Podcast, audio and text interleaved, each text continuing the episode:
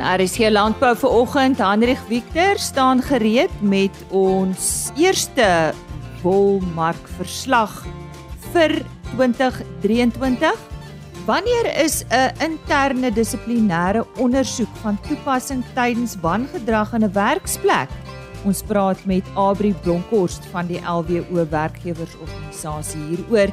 En dan fokus ons ook ver oggend op die SA tafeldruif industrie of SATI. Ek praat met die hoofuitvoerende beampte, AJ Griesel.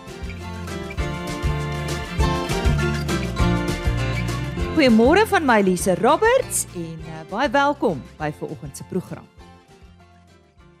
Ons begin ver oggend se program met nuus en so 'n bietjie internasionale nuus wat ek raak gelees het. Die organisasie Australian Wool Innovation befonds tans navorsing oor die biologiese oes van wolvagte.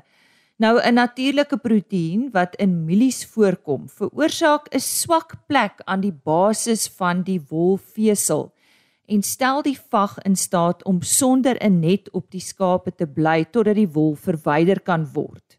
'n Biologiese proses is in die 1990s al deur die Commonwealth Scientific and Industrial Research Organisation ontwikkel, maar is deur min wolboere gebruik, hoofsaaklik omdat die aansit en verwydering van nette oor die skape dit 'n arbeidsintensiewe proses gemaak het. Die nuwe geleentheid vir biologiese woloes met die Zyne-klas proteïen wat in mielies voorkom, skakel die gebruik van nette uit. En dit is volgens Mirage News.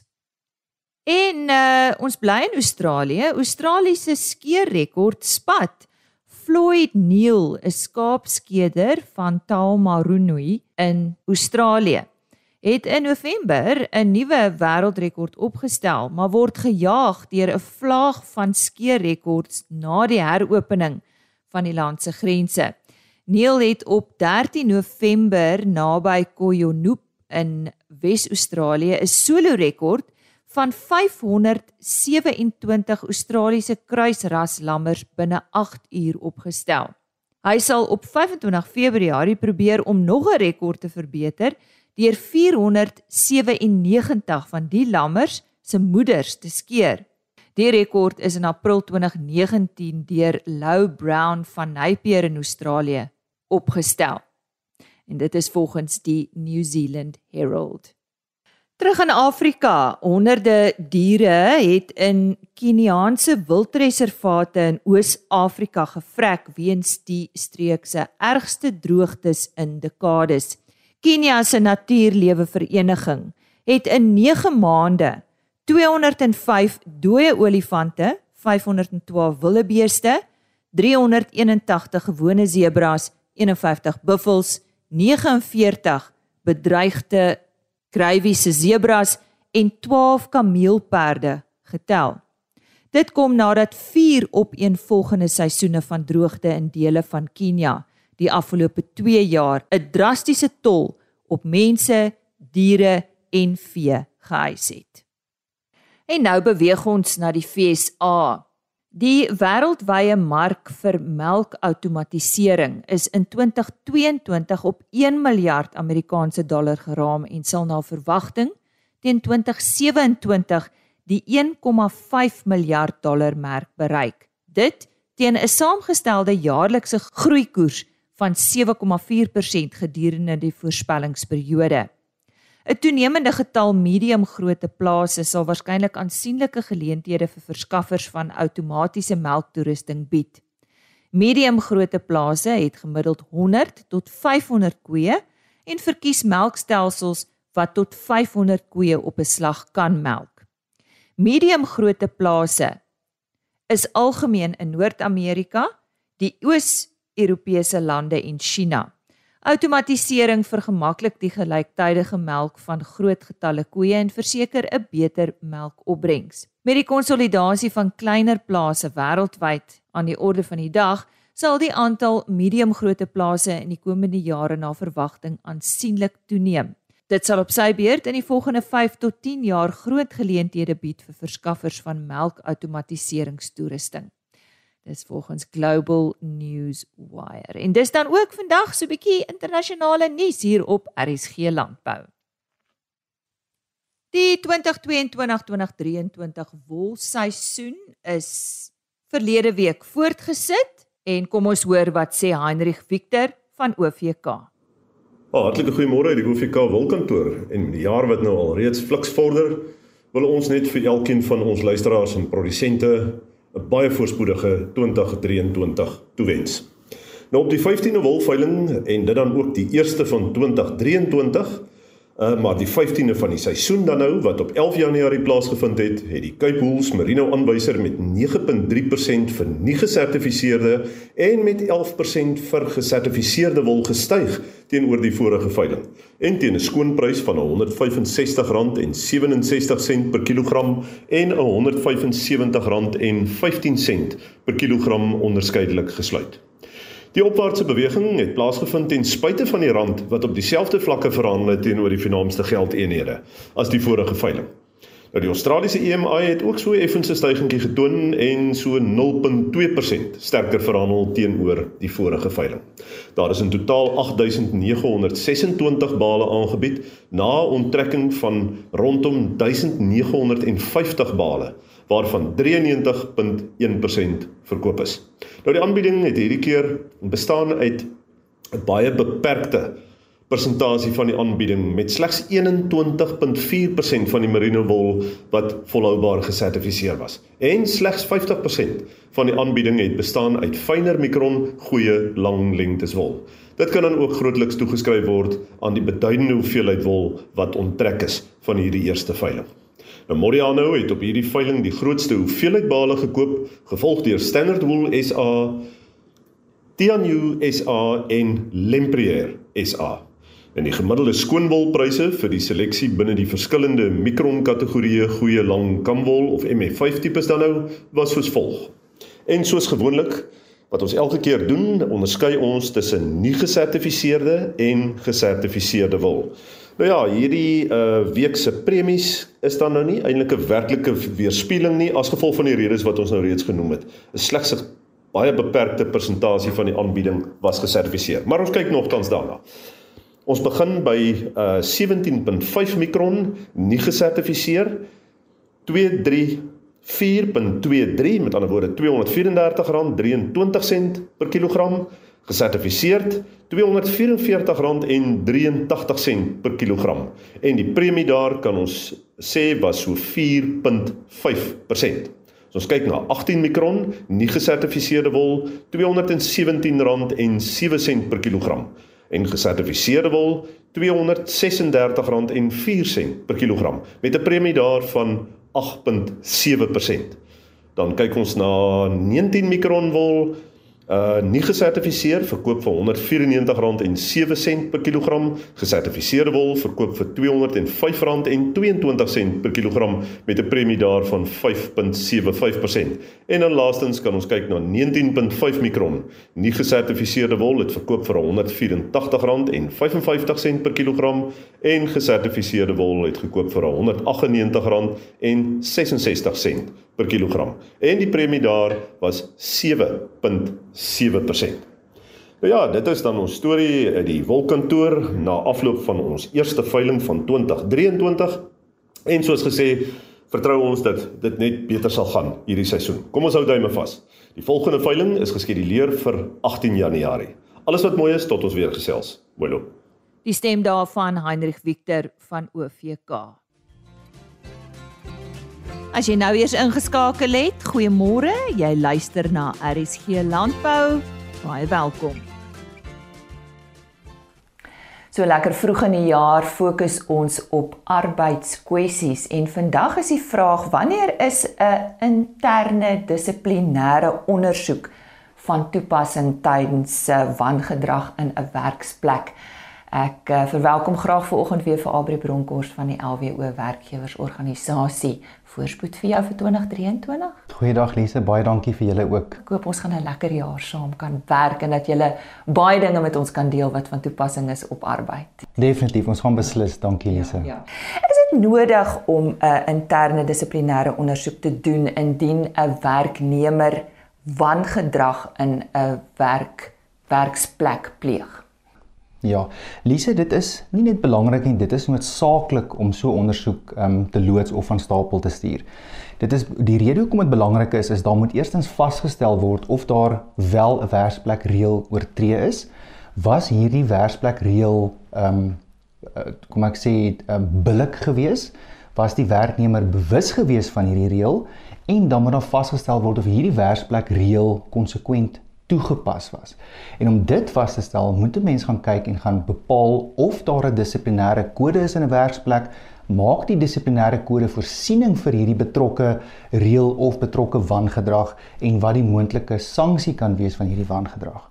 En indien dit alles vasgestel is, dan kan 'n werkgewer ehm um, verder gaan om vas te stel of daar enigsins dan gronde bestaan vir vir 'n moontlike dissiplinêre verhoor op die einde van die dag. En om daarbey aan te sluit, moet mens dan ook gaan kyk na verskeie faktore soos is daar vorige waarskuwings al uitgereik aan so 'n betrokke werknemer vir hierdie spesifieke wangedrag.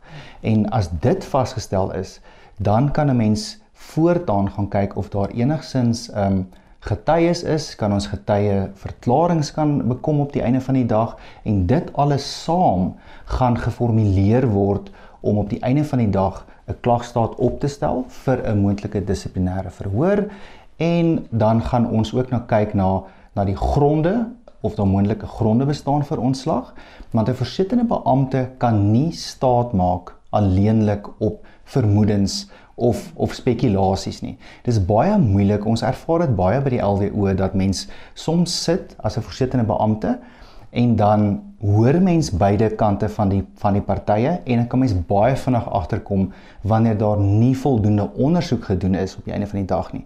En dit het nou weer die die die die probleem dat 'n uh, werkgewer nie die gewenste uitslag gaan kry aan die einde van die dissiplinêre verhoor nie. Dan gaan jy miskien na 'n onskuldig bevinding kyk of net na 'n gepaste waarskuwing op die einde van die dag.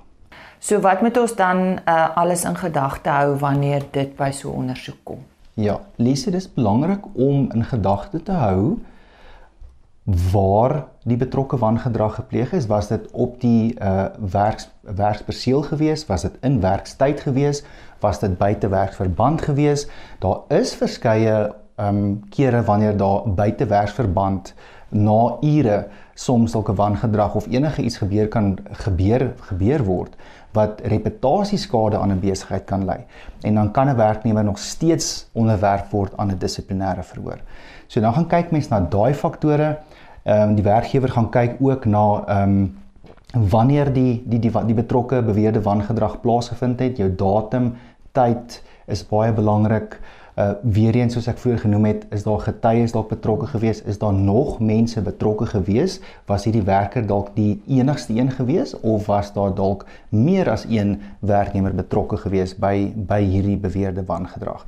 En dan kan ons ook gaan kyk na is daar beeldmateriaal dalk miskien betrokke wat wat vir ons kan toon of bewys ehm um, wat die insident dalk op op band opgeneem het op die einde van die dag. Al hierdie gaan faktore wees wat op die einde van die dag gaan uh gaan gaan gaan gaan beïnvloed of daar wel gronde gaan wees vir 'n vir 'n dissiplinêre verhoor of vir ontslag op die einde van die dag. Abri, wat is die volgende stap indien die werkgewer nou hierdie ondersoek voltooi het? Ja, Lise, die mense volgende onders volgende volgende stap na afhandeling van so 'n ondersoek is om dan klagtes te formuleer en 'n klagstaat op te stel en 'n kennisgewing van dissiplinêre verhoor op te stel wat dan aan die werknemer uitgereik kan word. Nou in mense klagstaat, die die die klagstaat self moet ook duidelik uh geformuleer wees en ehm um, dit moet van so 'n aard wees dat die werknemer kan voorberei vir die dissiplinêre verhoor.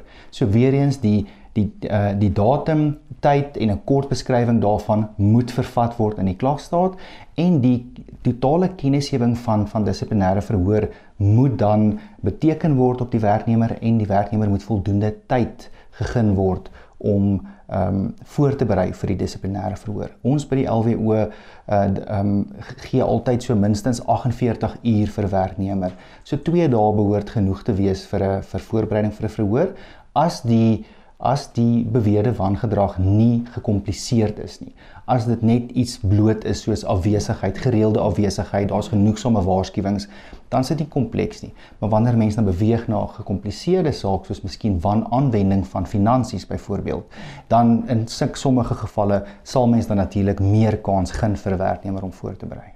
Nou hierdie ondersoek, is daar 'n vasgestelde tydperk waarin dit voltooi moet word? Lise, nee, daar is nie 'n gespesifiseerde vasgestelde tydperk waar waar ehm um, waarin so ondersoek voltooi moet word nie, maar dit is net juis dat 'n uh, eh, dat dat dat 'n werkgewer hierdie ondersoek so gou as moontlik uh finaliseer dat dit nie onnodig onnodiglik uitgereik word nie. En, en weer eens kom dit neer na jou gekompliseerde jou jou soort uh wangedrag was dit gekompliseerd of nie byvoorbeeld weer eens wanneer dit 'n bekleierery in 'n werksplek is en daar's twee werknemers betrokke, dan gaan dit nie verskriklike lang ondersoek verg om aan die einde van die dag 'n klagstaat te formuleer nie. Um teenoor wanaanwending of beweerde bedrog wat natuurlik baie langer gaan neem.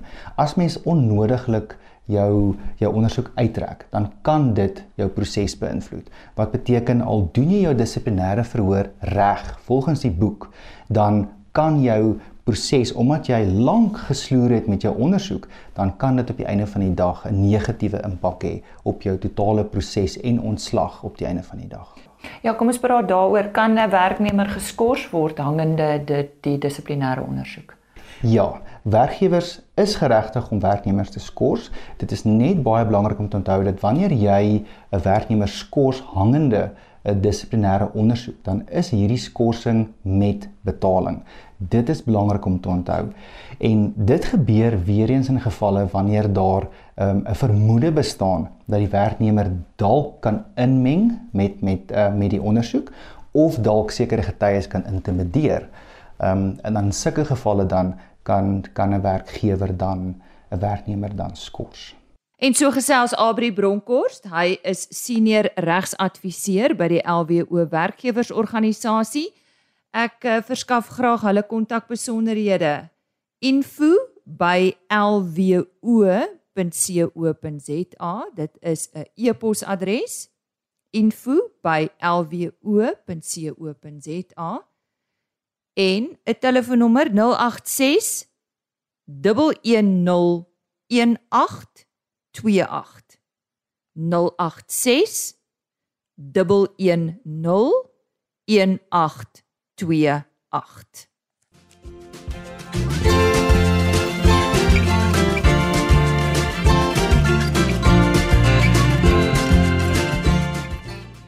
En nou gesels ons oor die Suid-Afrikaanse tafeldruifindustrie. Ons uh hoor hoe lyk volumes wat hulle verwag en ook hulle rol in die Suid-Afrikaanse ekonomie en in landbou natuurlik. Ek verwelkom graag vir AJ Griesel. Hy is hoofuitvoerende beampte van die Suid-Afrikaanse Tafeldruif Industrie of SATI, soos hulle beter bekend staan. AJ, vertel eers vir ons eh, waar word tafeldruiwe oral in Suid-Afrika aangeplant? Ja, dankie Lize, dankie vir die geleentheid en ook dag sien jou luisteraars. Wel SATI verteenwoordig so ongeveer 300 of 300 tafeldruifprodusente in Suid-Afrika wat ongeveer 20000 hektaar boer Ehm um, dis in vyf uh primêre produksiestreke verdeel. Die Hexervuur Vallei is ons grootste streek. Hulle verteenwoordig so 30% van die volumes wat ons plaaslik verbou, terwyl die Bergrivier en Oranje rivier streke elk ook so 20 na 25% verteenwoordig.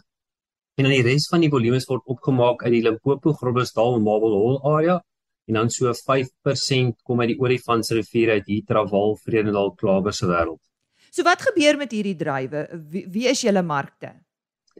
Lise, laas jaar het ons so 75 miljoen ekwivalente 4.5 kg kartonne uitgevoer en meer as 90% van alle tafeldrywe wat in Suid-Afrika verbou word, word uitgevoer.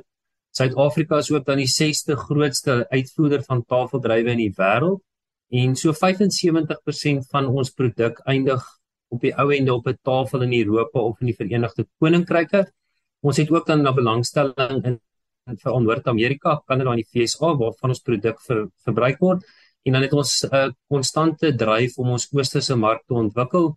Ons is redelik jonk in daai mark, so dit verg baie insette van ons kant af as industrie, maar daar is ook baie goeie werk wat deur uitvoerders gedoen word in daardie markte.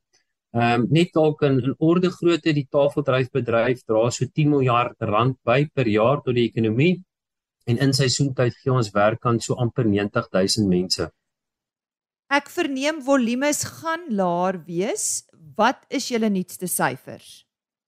Ja, die tweede oeskatting is laat in Desember gepubliseer en en dit plaas ons verwagte volumes vir uitvoer vir die komende seisoen op so 66 miljoen kartonne in vergelyking met laas jaar se 75 miljoen kartonne.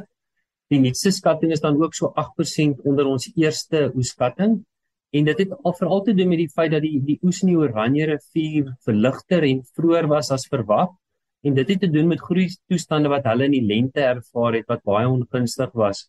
Um in leuke taal wat maar gebeur het die die hitte wat ons ervaar het in die lente groei seisoen laat die laat die plant speen en hy besluit dan dat die oes wat hy op daardie stadium besig is om groot te maak bloot net te swaar is vir hom en hy hy sit dan um minder las op homself as plant en dis hoekom aan die oes kleiner is. Dan ook reën wat ons veral in Limpopo gebied gehad het tydens oestyd, het dit vir hulle baie moeilik gemaak. Maar alle aanduidings op die oomblik is dat die berg in die Heksrivier 'n normale seisoen behoort te beleef. Ehm um, hulle volume spring eintlik nou eers regtig in aksie in die laaste week van Desember begin hulle regtig in alle erns pak. So ons ons is regtig optimisties op die oomblik dat hulle oeste na dat die oeskatting baie naby mekaar sal wees. En dan um, in terme van as mens het 'n bietjie 'n langer termyn siening vat, die volumes wat ons die jaar sal uitvoer alhoewel baie minder as laas jaar, ehm um, behoort nog steeds in orde grootte te wees van ons 5 jaar gemiddeld. En dit is vir ons belangrik siene dat dit beteken dat ons ons markte kan bedien met goeie kwaliteit produk op tyd. Soos talle ander landboubedrywe, ons dink maar aan die sitrusbedryf, bly die uitdaging rondom logistiek nogal 'n probleem. Ons dink nou maar aan die hawens en aan die slegte paaie gesels met ons daaroor wat uh watter impak dit ook op julle bedryf het? Ja, ons eie hawens en effektiwiteit van ons hawens in Suid-Afrika dink ek het in die laaste jare klomp media dekking gekry en is 'n groot besprekingspunt. Ehm um, dit wil voorkom op ons vordering maak en behalwe die uitdagings die laaste paar dae in Kaapstad daar by die seisoen eintlik vir ons wat logistiek betref redelik bevredigend afgeskop. Ehm um, ons as industrie het saam met ander industrieë klomp werk saam met Transnet gedoen om te probeer verstaan wat in ons hawens aangaan en hoe ons as 'n uh, 'n vennote regtig dit kan probeer beter maak. Ehm um, dis dis dis vroeg op hierdie reis, maar dit wil blyk as ons kyk na hoe dit in Desember gegaan het in die Kaapse hawe of ons regtig begin sien dat daar vrugte van hierdie projek um, afgewerk word. Ek dink die ander groot uitdaging as mens praat infrastruktuur, logistiek en dan en beerdkrag kan mens net nie uitlaat nie. Ek dink dis tans vir ons 'n groot bekommernis in die bedryf. Ons produk is ongelooflik sensitief. Ehm um, en hy hy kort water en water is gekoppel aan skedulering van besproeiing en meeste van die skedulering van besproeiing deesdae het, het elektrisiteit nodig om seker te maak dit vind plaas nie net die pompaksie maak hoe skedulering daarvan. Ehm um, en dan sodra die produk dan uit die einde ehm um, geoes word, moet hy so vinnig as moontlik afgekoel en verskeep word. En jy het regtig konstante en betroubare elektrisiteit nodig. So huidige vlakke van beerdkrag is nie vir, vir ons bedryf of vir Suid-Afrika volhoubaar nie. Ehm um, ons het al gesprekke gehad met beide Eskom en plaaslike regering, maar ek dink op die oomblik is die stabilisering van die nasionale werknetwerk vir Eskom net so groot prioriteit. Ehm um, dat dat ons dit moet verstaan en probeer soveel as moontlik planne op industrie vlak ook maak. Ag baie dankie vir jou tyd vandag. Ek is dan bly om te hoor julle bly aan die gang. Om jy af te sluit, waar staan die bedryf tans?